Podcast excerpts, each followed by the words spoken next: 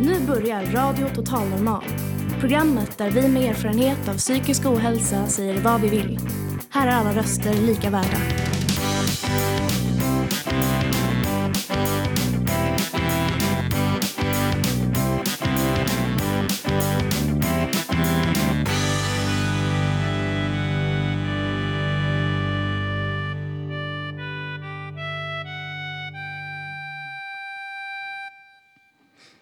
Hej och hjärtligt välkomna till Radio Total Normal, ditt psyke i etern. Vi sänder som vanligt från Fountain House, Stockholm på Götgatan 38. Och framför mig har jag en härlig publik.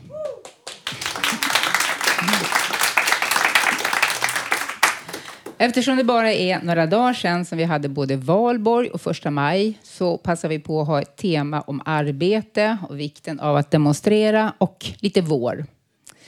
Vi gästas idag, dagen till ära, av Sahar Mosley som brukar synas och höras i väldigt många demonstrationståg och manifestationer. Just nu sitter hon fast i någon färdtjänst eller väntar på någon färdtjänst. Den historien har vi ju hört förut och den var lika dålig då.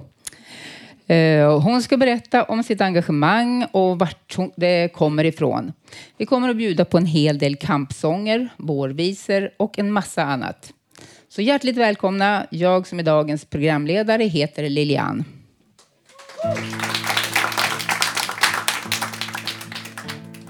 As soon as you're born, they make you feel small.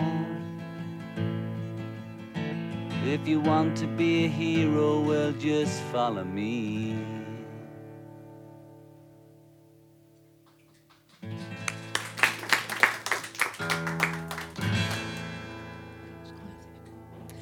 Okej, nu. Det var en härlig låt som jag tror att de flesta av oss känner igen.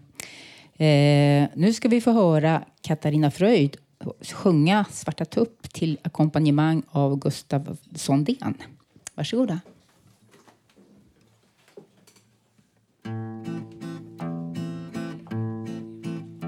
Svarta tupp, när du hör skala är det mörkt, natten är inne Svarta tupp, när du hör skala blir det mörkt, natten är inne.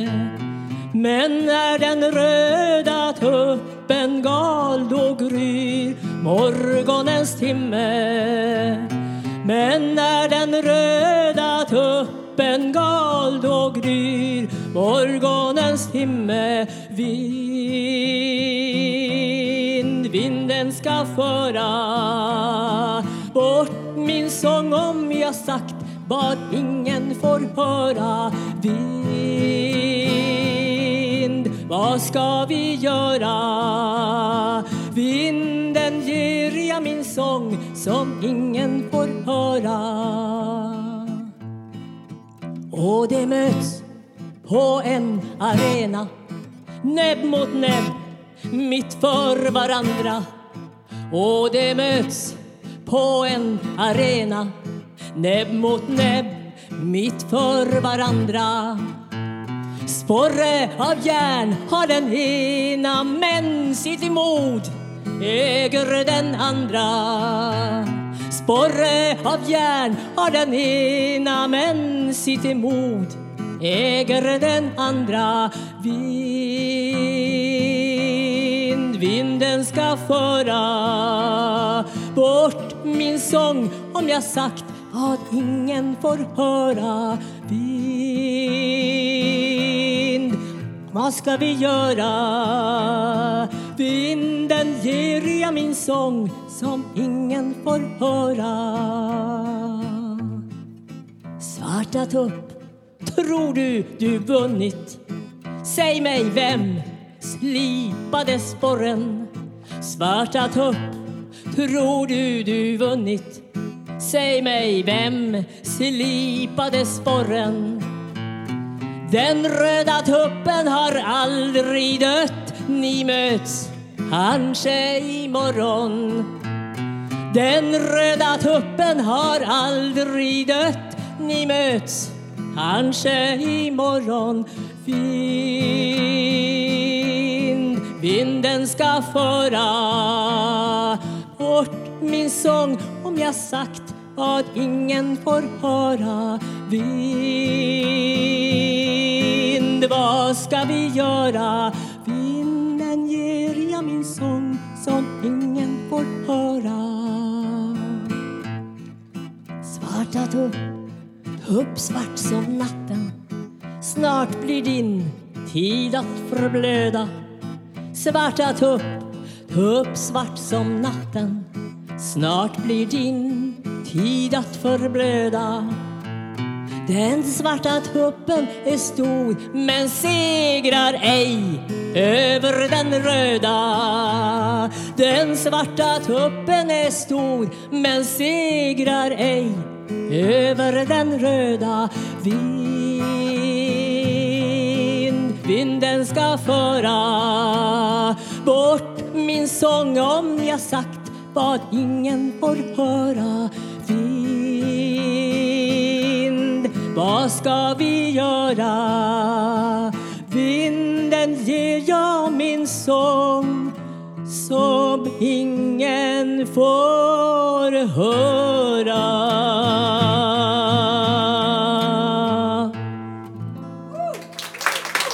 Tack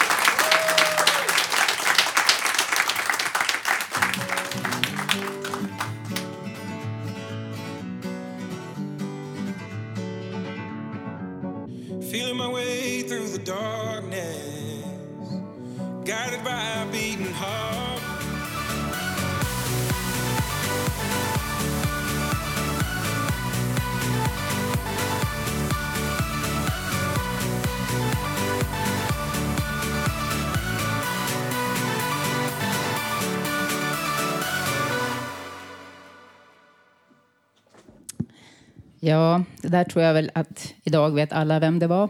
Det var Avicii med Wake Me Up. En kille som arbetade för hårt, brann i bägge ändarna och tyvärr dog alldeles för tidigt vid 28 års ålder.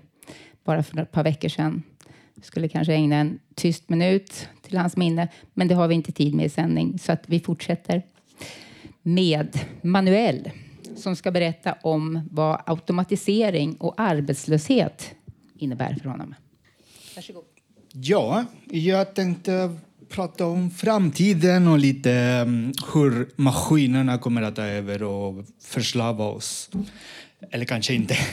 Det, det handlar mycket mer om att ja, många är rädda och många är oroliga för maskiner kommer, kan och kommer att ta över väldigt, väldigt många av våra jobb.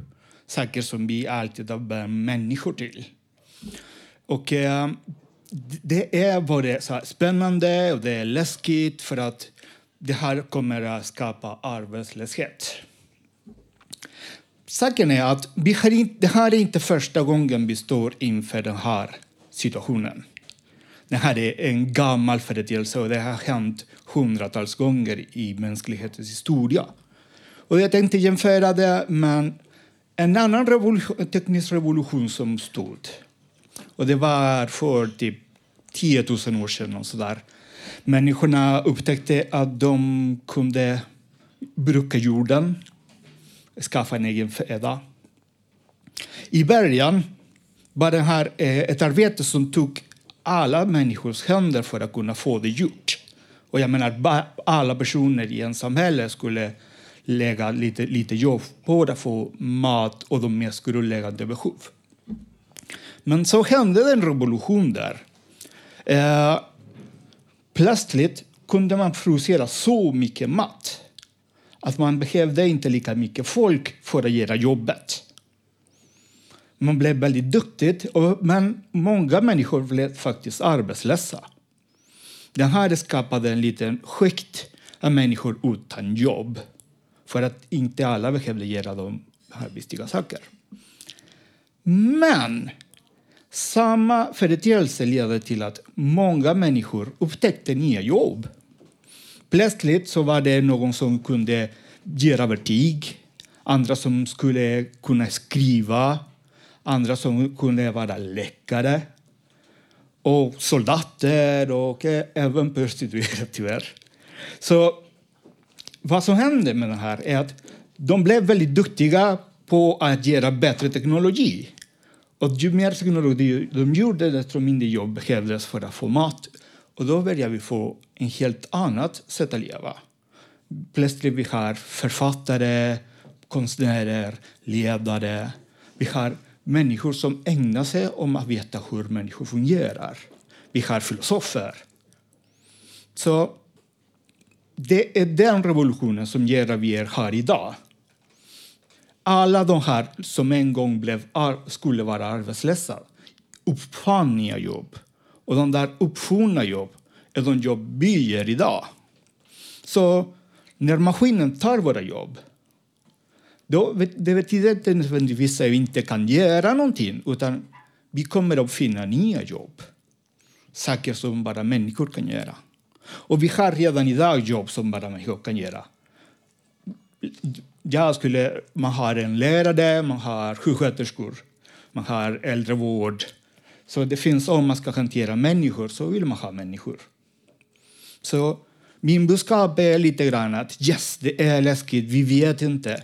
Men om vi är smarta och om vi styr saker på rätt sätt en så här förändring kunde vara för mycket bättre hälsa för oss. När vi till exempel om vi behöver jobba mindre varje dag och ha mer tid för att göra saker som är viktiga för oss istället för att tjäna bröd. Så det är lite grann att ja, vi är inför en ny dag och våra barn kommer att se en helt annan värld snart.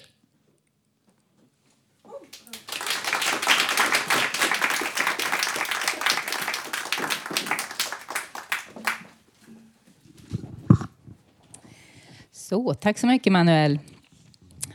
Nu ska vi få höra Peter Lindahl som, som presenterar eh, sin nya skiva. Eh, får vi får höra ett litet smakprov ifrån den, eller hur?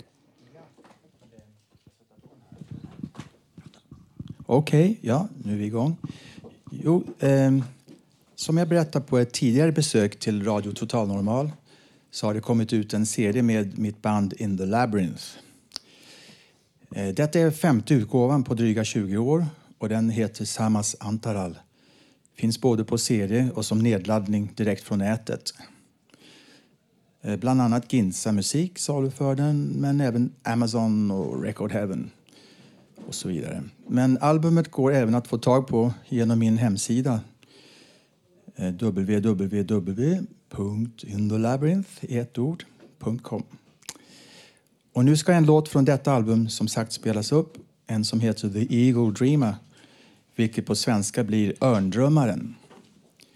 Den är skriven av min vän Stefan Ottman och det är vi som spelat in den. Plus ett par till musiker som deltagit lite vid sidan om. Båda medlemmar i In the Labyrinth. I stort sett spelades allt material in i början av 90-talet även om några låtar spelades in på 70-talet och några stycken mer nyligen.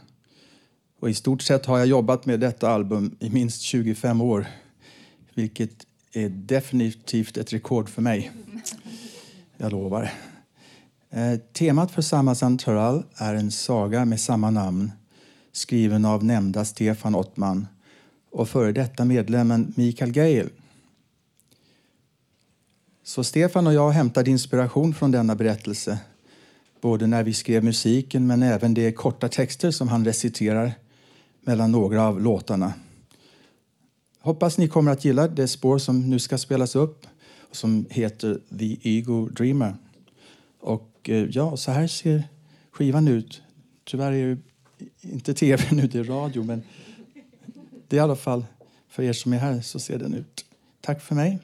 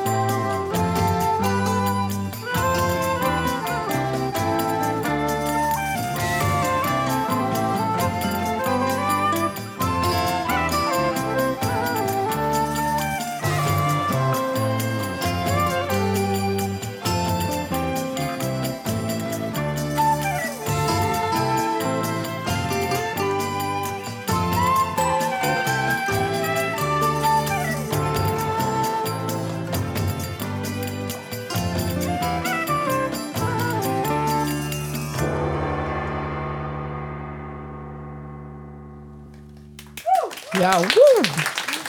Fantastiskt! Verkligen. Eh, nu har vi fått upp Thomas på scenen och han ska framföra, får jag väl säga, eh, till ett backtrack som han själv har gjort, något som heter Lot eller Lart. Eller lott. Eller något. Lotta.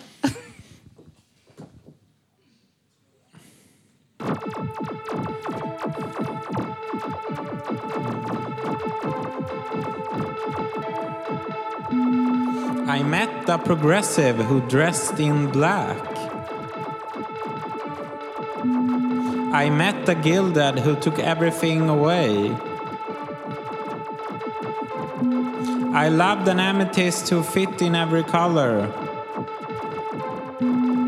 I loved an orange who didn't merge with the sun.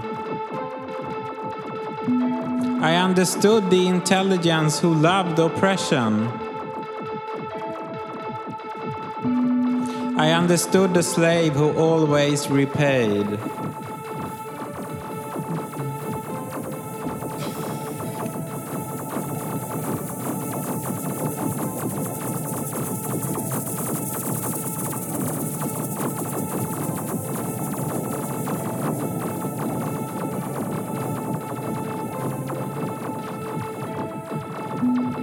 Jag mötte skönheten som var osynlig. Jag mötte heligheten som inte skröt. Jag älskade kannibalen med det mjuka inre. Jag älskade fjäskaren som kom bort. Jag förstod hjärnan som skapade atombomben. Jag förstod de upplöstas engagemang.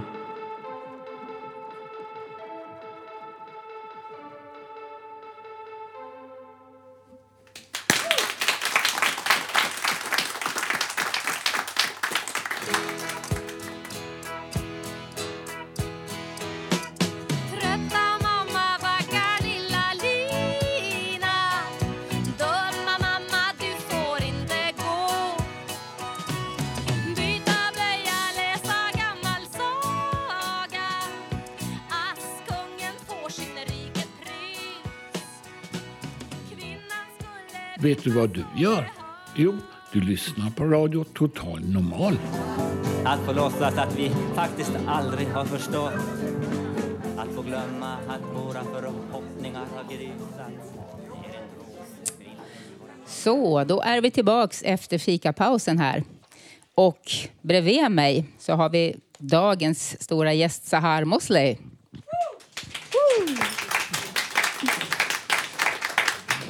Sahar Musli brukar synas och höras i olika demonstrationståg, manifestationer och liknande och har ett väldigt samhälls... samhälls eh,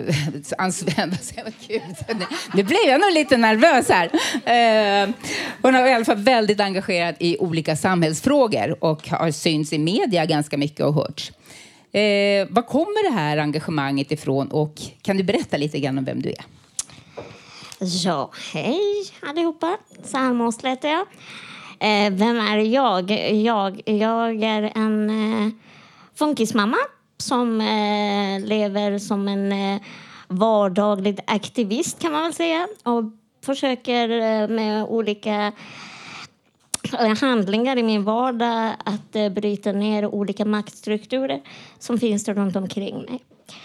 Och eh, min eh, engagemang i det samhällsperspektivet och i det politiska eh, tror jag kommer från ursprungen från mitt uppfoster och den bakgrunden som jag har upplevt. Och det är ju helt enkelt från hjärtat och själen som skriker och behöver andas genom det och bryta ner det som finns runt omkring, bland annat rasismen. Eh, vad, vilka frågor specifikt brinner du mest för? Kan du säga det? Eller är det svårt? Är det så många så att det inte går att sortera? Nej, det, det, det, går ju att sortera, men i, i senaste åren, som när jag passerar snart 40 år, så tror jag att det har eh, bytt lite färg. Vad är det som är prioritering? I dagsläget eh, brinner jag mest eh, fortfarande för eh, min eh, hela min ambition brinner för feministiska frågor. Och eh, angående funkisfrågor som eh, LSS, bland annat. Rätt till personlig assistans. Det är de två som jag tycker är viktigaste i 2018 i Sverige. Eh, hur viktigt tycker du att det är att göra sin röst hörd? Hur tycker du att vi gör det när vi har ett engagemang? Jag tycker det är väldigt viktigt som individ höras och i ett kollektivt samarbete att vi kan synas tillsammans. Men oftast i det politiska så försvinner det den individens röst. Och bland annat så tycker jag att eh, funkisar, alltså funktionsnedsatta som är fortfarande längst ner i samhällsprioriteringen. De är fortfarande behövs väldigt mycket att kunna synas och höras i olika sammanhang. Bland annat till exempel i det politiska agendan inom förvalet till exempel som vi har framför oss. Vi pratar väldigt sällan om dem och de syns inte. Mm. Eh, vi har ju alldeles nyss haft en första maj-demonstration. Och eh, många tycker väl idag att eh, eller man ifrågasätter eh, första maj-demonstrationerna om de verkligen ger så mycket politisk kraft egentligen. Alltså om man tänker sig Ådalen 31 och jämför med det så då ville man någonting, man verkligen kämpade för någonting, det var på liv och död. Och idag så kanske man kan tycka att det mer har liknat en folkfest. Vad har du för inställning till det här med första maj-demonstrationerna?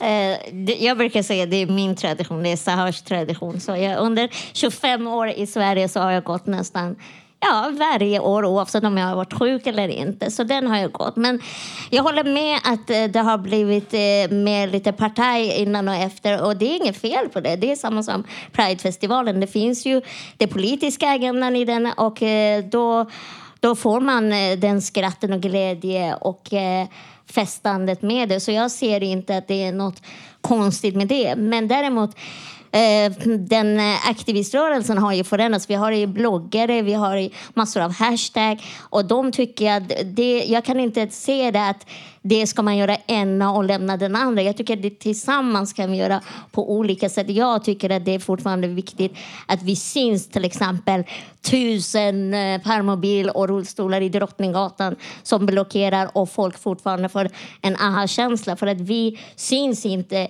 lika mycket som de här tvåbeniga som är på gatorna dygnet runt. Så jag tycker det fortfarande behövs. Och samtidigt behövs det här hashtaggandet och den här sociala medier som har, eh, vi har runt omkring. Så.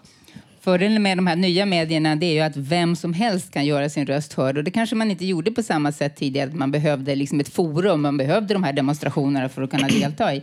Men nu kan vem som helst säga vad de har för åsikter. Självklart. Alltså, jag, jag kan tycka att 2017-18 vi alla kan höras, ja. Men sen beror det på vem vill höra dem. Vilken som vill och är förberedd att höra och se dem. Det är den eh, glappen som fortfarande finns. Om vi, när vi började med eh, den här nedskärningen, när politikerna började med nedskärningen om LSS, så syndes betydligt mindre i sociala medier om hashtaggen om eh, eh, assistans, min assistans oh om man jämför till exempel med metoo. Och när metoo började, då började vi efter det inkludera funkisfrågor i metoo-frågan. Så det beror på, vi, vi hörs, men det beror på vilka som vill se och höra oss. Mm. Ja, intressant. Eh, en annan fråga som jag också har tänkt det är det här med våra politiker som då ska föra fram våra frågor. Eh, det är ju färre och färre, framförallt ungdomar har jag hört på nyheterna häromdagen, som vill bli politiker. Har du någonting att säga om det? Det var en oförberedd fråga. ja, det var det. Men eh, jag ska försöka eh, svara ganska kort. Eh, det är så som när jag blev själv aktiv i Ung Vänster eh, innan 2000 så var det i princip mest äldre och då var det väldigt mycket tryck vad vänster ville själv och tryckte på Ung Vänster. Nu eh, när jag ser Ung Vänster och eh, det är helt annat atmosfär och det är på grund av att eh, individualismen har blivit betydligt mer tycker jag. Och eh, vi vill ändå köra en kollektiv, eh, våran eh, alltså röst hörda. Men eh, det är väldigt mycket självständigheten inom ungdomens värld som vill visa vem är jag, vad vill jag, vad, vad, vad behöver vi? Och på grund av att vad behöver vi så blir det lite lättare att se målet och uppnå det. Om du fick måla upp ett drömsamhälle, hur skulle det se ut? frågan. Alltså.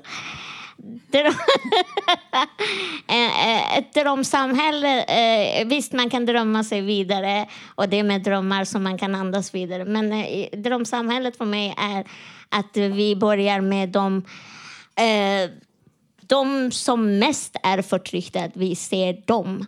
Och vi ska inte falla för grupptrycket som finns. Och vi ska alltid komma ihåg, bland annat jag själv senaste tre, fyra åren kommer jag ihåg att rasismen har inte ett face. Och maktstrukturen har inte ett face, den har olika face. Och det måste vi studera för att vi har internet som är öppet för alla så vi kan verkligen surfa vidare, försöka lära oss och lyssna mera och prata mindre.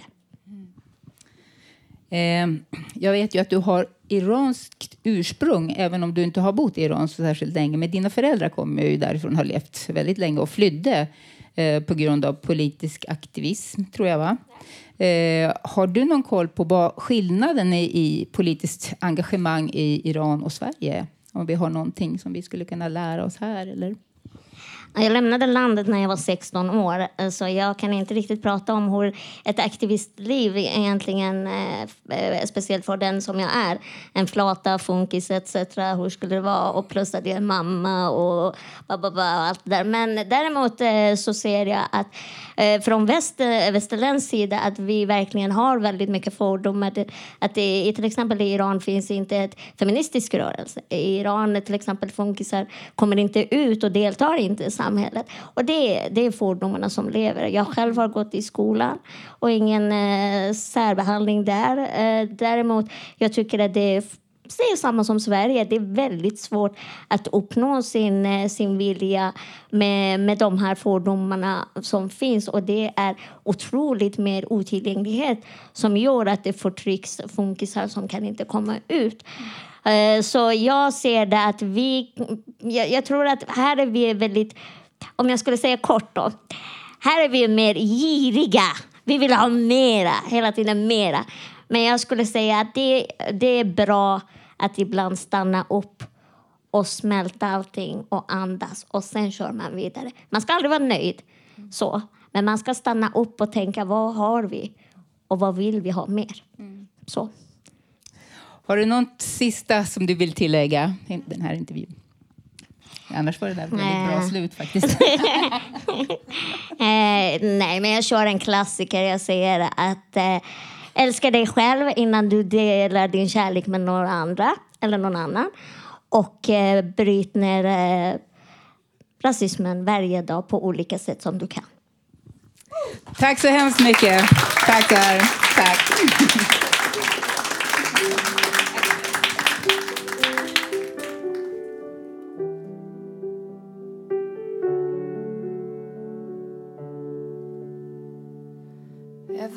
Since I was eight or nine, I've been standing on the shoreline, always waiting for something lasting. Nu har jag Uno Lagervall som står här bredvid mig. Han brukar läsa dikter. Ska du göra det idag igen? Ja, just det. Spännande får vi höra. Och så... Ja, ja. Men ja, det, jag, jag, fick med, jag fick med mig fel, fel papper, så, men jag kan, jag kan det säkert utan till. Eh, nu ska jag se. O, o människa, se björnarna på Skansen. De är instängda och beskådas av människor hela dagarna. O människa, hur skulle det kännas att vara instängd och beskådas, beskådas av björnar hela dagarna? Eh, skrev framför Björnbladet på Skansen eh, en gång. Eh, och, eh, sen så hunden Karo. Skulle jag ha. Eh, eh, Karo är hund. Karo viftar på svansen. Karo är tillgiven, så Karo viftar på svansen. Eh, eh, så. Eh, Kar, Karo Karo ligger, ligger hemma och sover. Men, men oh, nu öppnar matte kylskåpsdörren. Spring, spring, spring. T- t- t- t- eh, Sätta sig och sätta sig och titta på matte. Lägga ut på sten. Nej, ingenting den här gången heller. Dags att sova igen. Ibland promenerar Karo i parken med matte. Se, se på, se på, trä- hälsa på andra hundar. Möter trevliga människor. Eh, och eh, se, ja, och ser, ser på katter och fåglar. Men O, oh vad trevligt. Oh vad trevligt att vara Karo. Jag vet inte, jag hade någon mer. Eller om, om våren. Karo och våren. Eh, Kar, Karo har vårkänslor. Oh, vilka vårkänslor Karo har. Karo springer runt i parken och eh, se, ser se, se, vad där? Se, se på blommor och fåglar. Och eh, eh, lukta på blommorna. Eh, just. Lukt, eh, och ja, se, eh, oh, nu, se, se på tikar. Hundar gör så när det är vår. Eh, så, oj, oj nu, nu, nu träffar Karo en tik. Försöker hälsa på, på tiken. Lägger ut på sned, viftar på svansen. Eh, morr, sa tiken. Det inte det. det. Det finns flera. Och våren är lång, tänker Karo. Ja,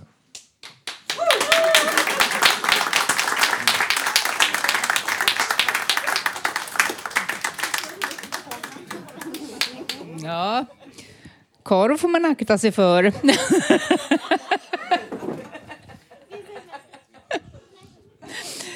Nu har Maria Karlsson Li kommit upp på scenen. Och vad har du att dela med dig av?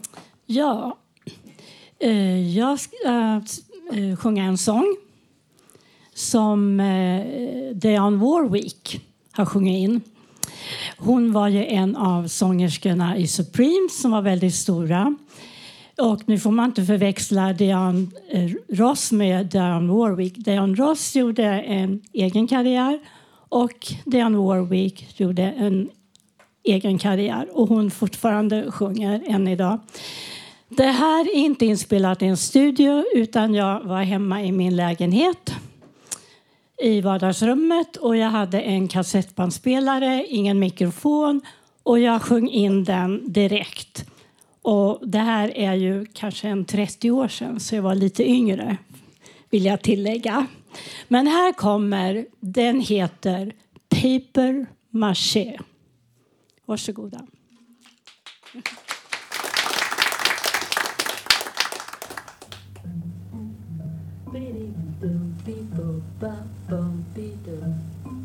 Twenty houses in a row,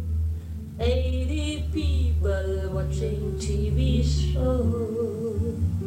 Paper people, couple dreams, how unreal. Hope things sings. Can we be living in the world made of paper mache? Everything is clean, that's all neat. Anything is wrong can be just what to wear. Spray it with cologne and a Howard smell sweet.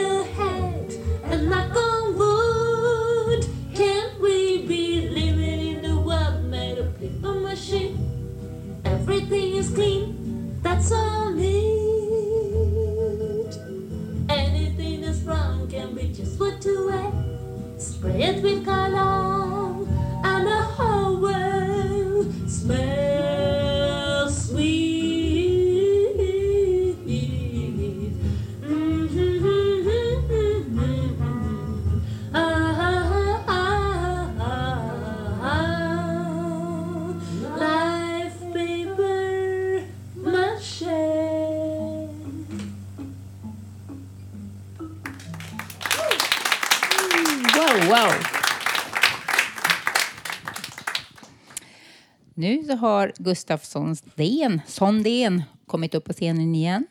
Och vad jag förstår så ska du spela en låt som heter Windy and Warm som Chet Atkins gjorde känd en gång i tiden.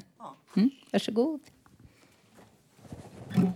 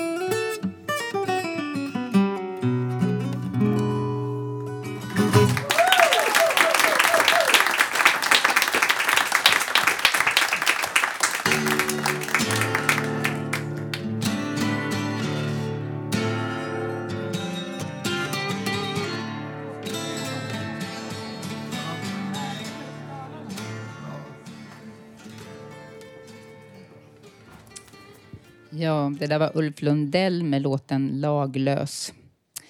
Nu ska Thomas intervjua Cornelia Wolf om hur det är att komma tillbaks till arbete efter psykisk ohälsa. Hej! Hej. Ehm, Du har forskat om hur viktigt det är att komma tillbaka till arbete efter psykisk ohälsa. Ja. Kan du berätta om den forskningen? Ja, eh, vi gick ut med en enkätstudie eh, till eh, fyra mottagningar i två län och frågade vad besökarna tyckte om saker och ting. Eh, och eh, svensk forskning eh, och svensk eh, psykiatri har ju vissa brister med patientfokus och rättsosäkerhet och medbestämmande och så. Men vi vill ta fasta på lite lösningsfokuserade saker som inställningar till arbete och så. Och vi fick in 270 enkäter och hade en svarsfrekvens, svarsfrekvens på 66 procent, vilket är riktigt bra. Eh, och de var mycket noga med att de skulle svara anonymt och självständigt och, och så. Och att eh, det hela mm, skulle ske så autonomt som möjligt. Vad kom du fram till då? Ja, det vi kom fram till var eh, väldigt mycket att viljan att arbeta och att arbeta var viktigt för att man eh, skulle må bra. Och sådana här aspekter som fighting spirit, ja, jag och inte min sjukdom. Ingen ska hindra mig från att leva ett vanligt liv. Ehm, jag kan visa mig själv och andra att jag kan arbeta. Det var fighting spirit. Det var en väldigt stark faktor eh, som hängde samman med det här med att arbeta. Friskfrämjande. Mm. Eh, har du påverkat samhället på något sätt genom forskningen? Jag, försö- jag har nått ut lite eh, här. Fick jag förmånen att presentera forskningen 22 eh, februari. Eh, och sen så har jag också i ett psykologiskt magasin kommit ut med eh, och så. Och sen så försöker jag jobba för att det ska bli vetenskapliga publikationer också. Fighting spirit. Ja. Det låter intressant. Ja, det är intressant och det är ett viktigt begrepp. eh, Och eh, det- hänger samman också med eh, någon form av mm, självkänsla eller self, mental health self-efficacy, tron på sin egen förmåga. Och just- kämpa för det kanske. Kämpa för är viktigt. Ja. säga att kämpa, ta strid. Ja. Ja, ja. Um, är det något du vill tillägga på slutet? Vi har inte så mycket tid. Men... Ja, eh, jag vill eh, att eh, det ska bli förändrade villkor för människor med psykisk ohälsa i Sverige. För det behövs verkligen. Mm. Sex timmars arbetsdag, eller? Efter per individnivå. Ja, jo. Ja. jo, jo. Okej, tack. Tack Cornelia Wolf. Tack så mycket.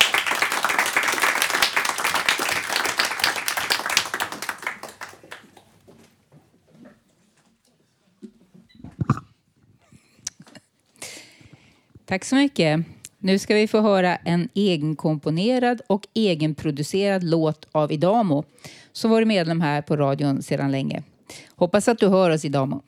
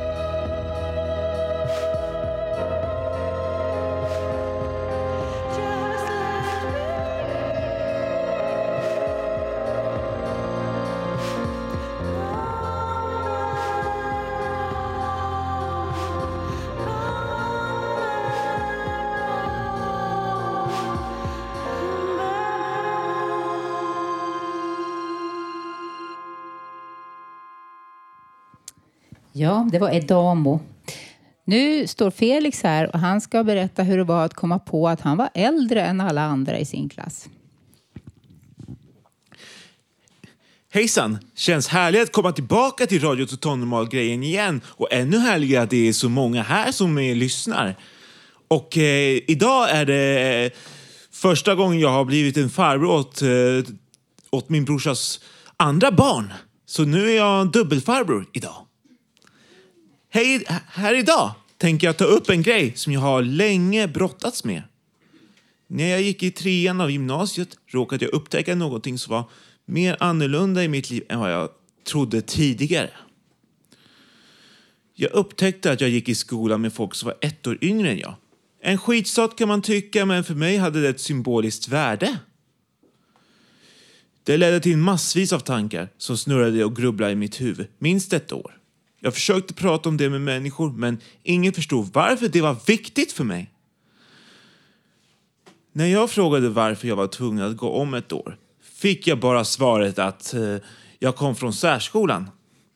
Då trodde jag att jag, det berodde på att jag gick i särskolan längre än vad jag kände och behövde. Men det var någonting annat än jag trodde. Det var att jag började prata senare, vid femårsåldern, därför att jag har svårt att få ihop sak och ting. Vilket omgivningen runt omkring såg att det skulle försvåra skolarbetet. Fast jag tog in eh, omvärlden väldigt mycket och kände starkt för vilka människor jag tyckte väldigt mycket om och inte. Utan att bekräfta det utåt så att andra förstod vad jag menade och kände. Det finns alltid flera olika sätt att klara livet och lära sig saker från omvärlden. Bara att omgivningen inte har lärt sig det, vilket i sig är bara oförmåga. Och det är ju ganska sorgligt. Tänk om det inte handlar om att vara rätt eller fel eller ha rätt eller fel. Tänk om det bara handlar om oförmåga. Min och andras. Situationen gör att människor inte möts på riktigt. Sedan jag upptäckte att det handlar om mer om oförmåga har jag blivit snällare mot mig själv och varken kritiserar eller säger att allt är mitt fel lika mycket. När jag nu ser att allt handlar om oförmågan kan jag se det som att det är min uppgift att upplysa världen att man behöver göra någonting åt det. Som att visa att det finns fler sätt att klara livet och lära sig saker på än det folk tror man bör behöva för att klara av en vanlig skola.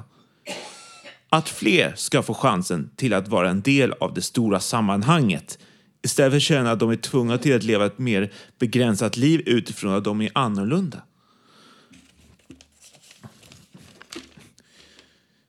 Nästa gång kan jag gärna tala mer om hang-ups. Intresserade?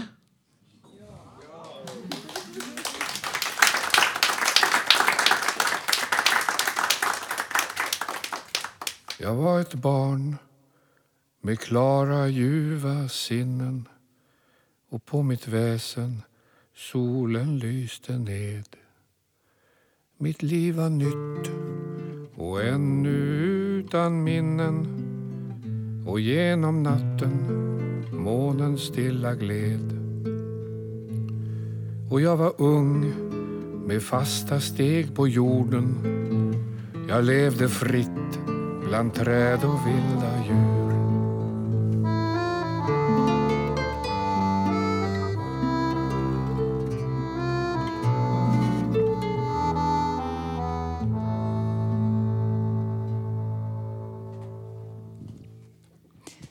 Ja, det var Allan Edwall som sjöng Den lilla bäcken. Nu står Cecilia Malmsten här och ska prata lite grann om Majakovskij och läsa några dikter av honom också, tror jag. Ja, tack. Eh, Vladimir Majakovskij, han var en rysk poet. Född 1893 och dog 1930. Han skrev futuristisk poesi och var socialist, läste Marx. Han var kär i en kvinna som hette Lilly Brick. Hon var gift med Ossip Brick. Men han bodde med dem eh, tillsammans. Eh, hans, eh, Ossip Brick han var publicist och publicerade Majakovskijs dikter. Rakowski var också konstnär. Hans tre favoritämnen var politiken, konsten och kärleken. Och han var också olyckligt kär i en skådespelerska och gick upp till henne och bad henne gifta sig med honom. Men hon körde iväg honom. Och den olyckan tog livet av sig 1930. Jag ska läsa två dikter då. Ena... Jag ser inte. Ur ryggradsflöjten heter diktsamlingen.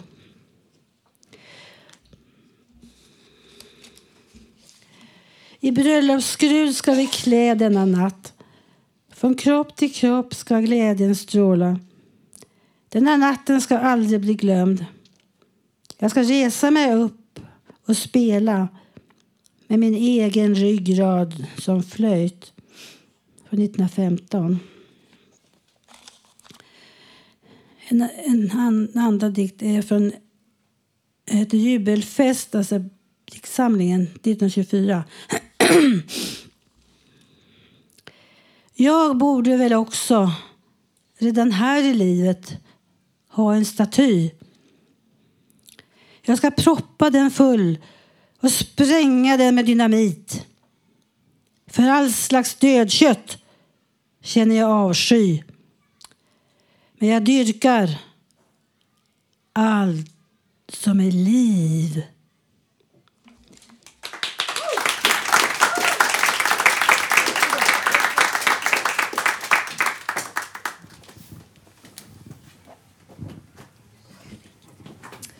Tack så mycket Cecilia Malmsten. Eh, nu har vi Carl Lundbom här och han ska läsa en dikt, en egenskriven. Varsågod. Ja, jag ska läsa en dikt som heter Glömda oasers gåtor. Gammal. Då solen föll bland böljande sanddyner tycktes med ljuset tala om glömskan av tanken.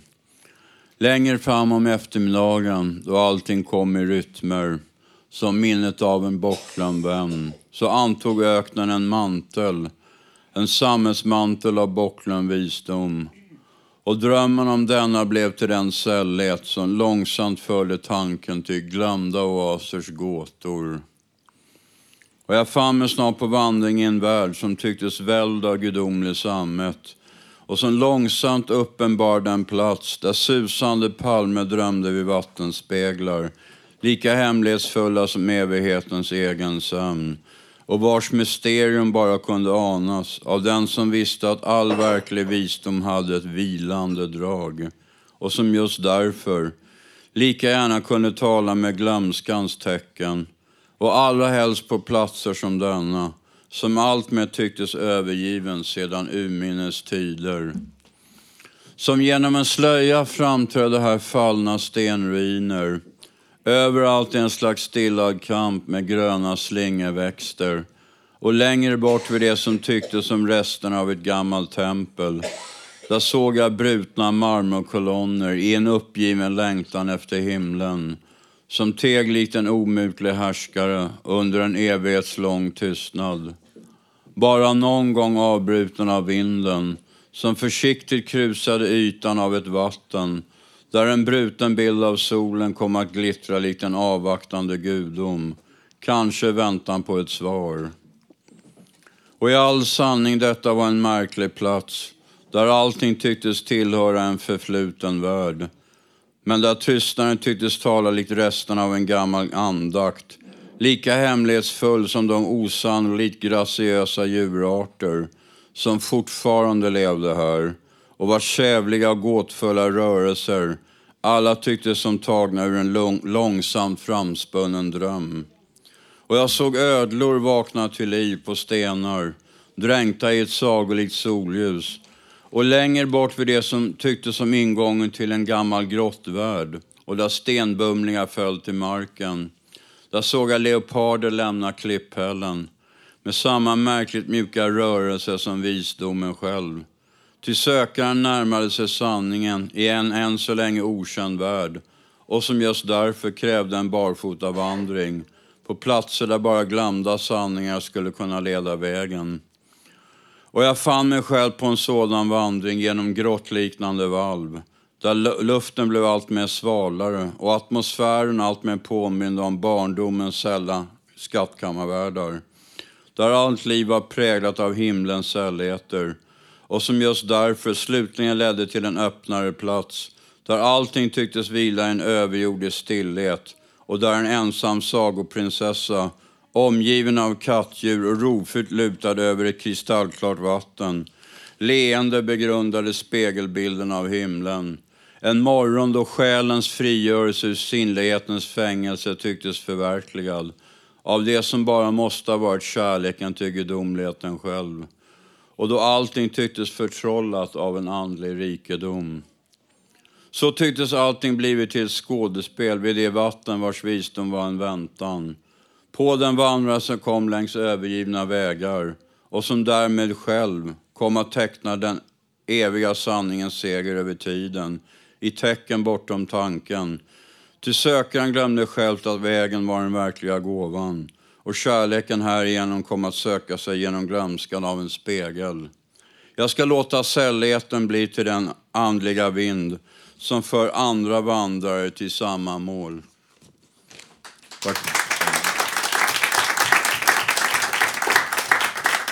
Och nu har vi Malin Jakobsson som är en av våra producenter och vår före detta ljudtekniker Gustaf Sondén som ska framföra någonting här.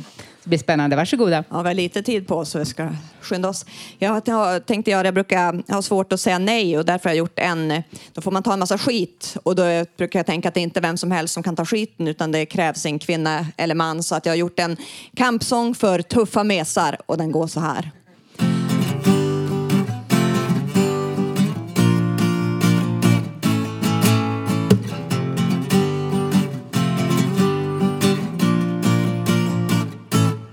Jag är bra på att ta skit. Är det någonting som jag vet, ja då är det faktiskt det. Så har du någon skit du måste få ut kan du kasta den på mig. Jag står här jag och tar emot tills jag är täckt i dynga från hår till fot. Men bara så ni vet, bara så ni vet finns något vördnadsfullt i det. Ja, bara så ni vet, bara så ni vet finns något vördnadsfullt i det. Att få vara en tönt som alla kommer åt. Att till och med be om ursäkt för något när man själv inte är den som borde sagt förlåt. Men bara så ni vet, bara så ni vet finns något generöst i det. Ja, bara så ni vet, så ni vet finns något generöst i det. Så tror ni jag är ett offer? Ja, då tror ni faktiskt fel. Ty detta har jag valt Helt för egen del. Ja, jag är fullt medveten om vad jag gör. Ställer mig nämligen helst utanför. Ansvar, skuld och annat som är trist För jag är hellre martyr än en egoist. Och bara så ni vet, bara så ni vet Finns något uträknat i det. Ja, bara så ni vet, bara så ni vet Finns något uträknat i det. Så kalla mig gärna feg Vet jag att jag är. Men tror ni jag är rädd? Ja, då tror ni faktiskt fel i allt det här Ty det krävs mod och viljestyrka Att ta sig ända hit. Att gnaga bort sin självrespekt Sakta bit för bit Tills den slutligen är borta. Och man per automatik Tar emot och accepterar alla sorters skit. Så kom Annie, jag säger bara det. För jag kan ta skit från både lång och från fet. Ja, jag sugan direkt ur röven På han som satt och sket. Men bara så ni vet, bara så ni vet Finns något förfinat över det. Ja, bara så ni vet, bara så ni vet Finns något förfinat över det. Och Tyck ni jag är en idiot, ja då skiter jag i det. Ja, det gör jag. Ja.